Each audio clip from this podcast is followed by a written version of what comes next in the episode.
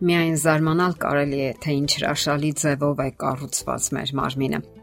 Այն ոչ մի բացատրության չի ենթարկվում եւ պարզապես ինժեներական հրաշք է, որի կարևոր բաղկացուցիչներից մեկն էլ մեր ողնաշարն է։ Ողնաշարն իրավամբ կարելի անվանել մեր մարմնի հենասյունը եւ սխալված չենք լինի։ Նրանից շատ բան է կախված։ Նա մեր մարմնի հիմքն է։ Այդ բարի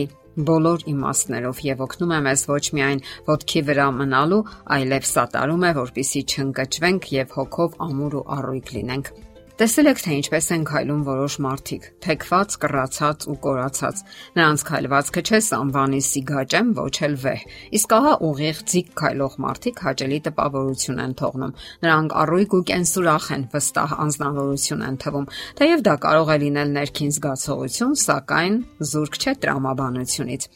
Եվ այսպես մեր մարմնի հիմքը կազմում են 44 ողերը։ Ինժեներական այդ գլուխգործոց սարքը ուղահայաց դիրքում է պահում մեր մեր կմախքը եւ միաժամանակ ապահովում մեր կենտրոնական նյարդային համակարգի հուսալի պաշտպանությունը։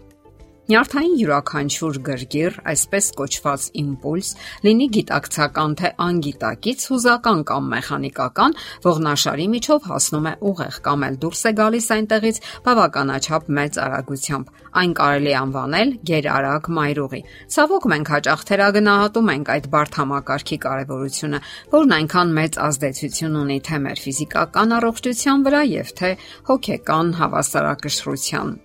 ինչը փոխկապակցվածության մեջ են մեր ողնաշարն ու մեր ինքնազգացողությունը։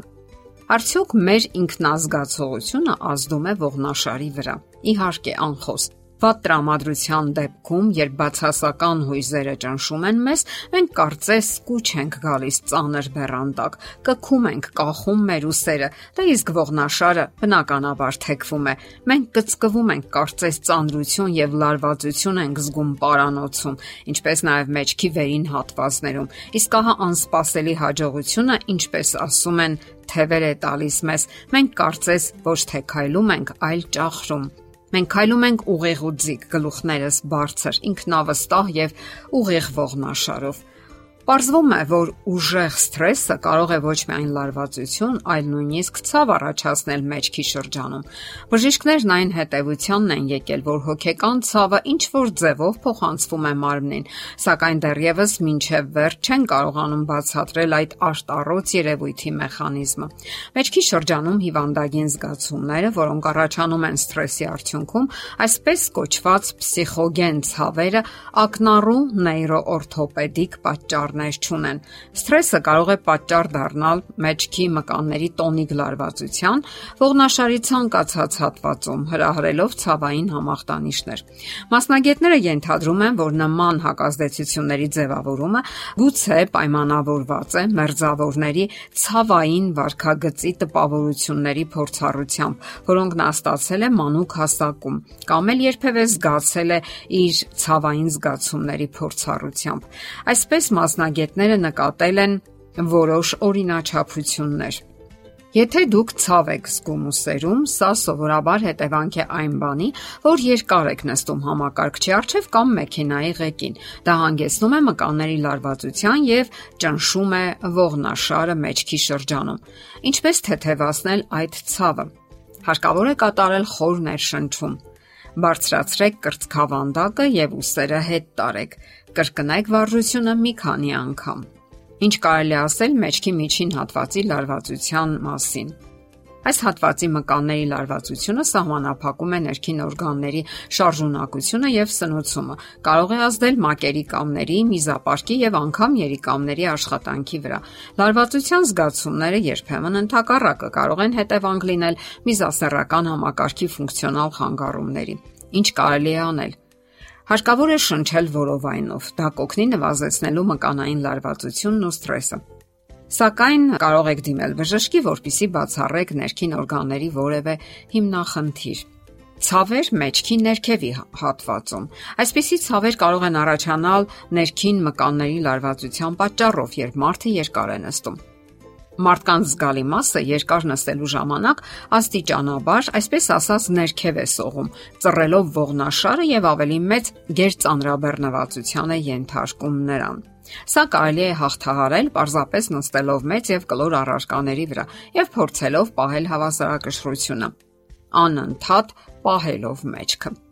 Կան նաև օրթոպեդիկ բարձեր, որոնք կարելի է դնել աթոռի վրա։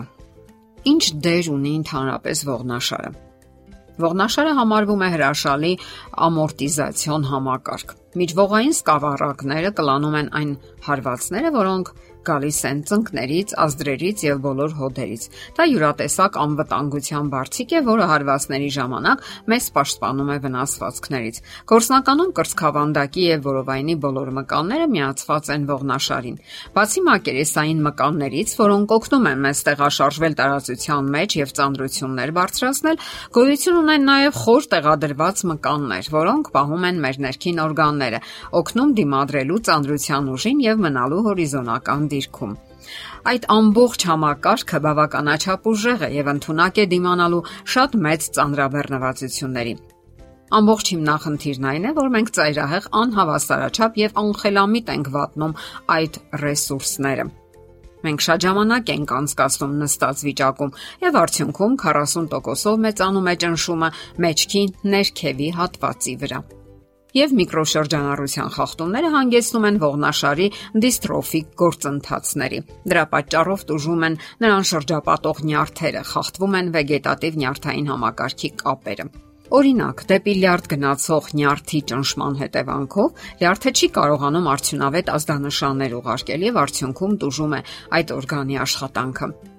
Վատ մարսողությունը կարող է հետևանք լինել, ասենք, գանգի հիմքում գտնվող նյարդի ճմլման, Այսպիսով, որևէ օրգանի վատ աշխատանքի պատճառով մենք կարող ենք դիմել բազմաթիվ բժիշկների եւ պատասխան չգտնել այդպես էլ, որովհետեւ ճարիքի արմատը միգուցե գտնվում է պարզապես ողնաշարի մեջ։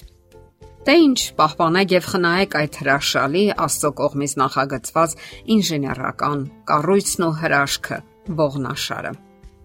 Եթերում առողջ ապրելակերպ հաղորդաշարներ։ Հարցերի եւ առաջարկությունների համար զանգահարել 033 87 87 87 հեռախոսահամարով։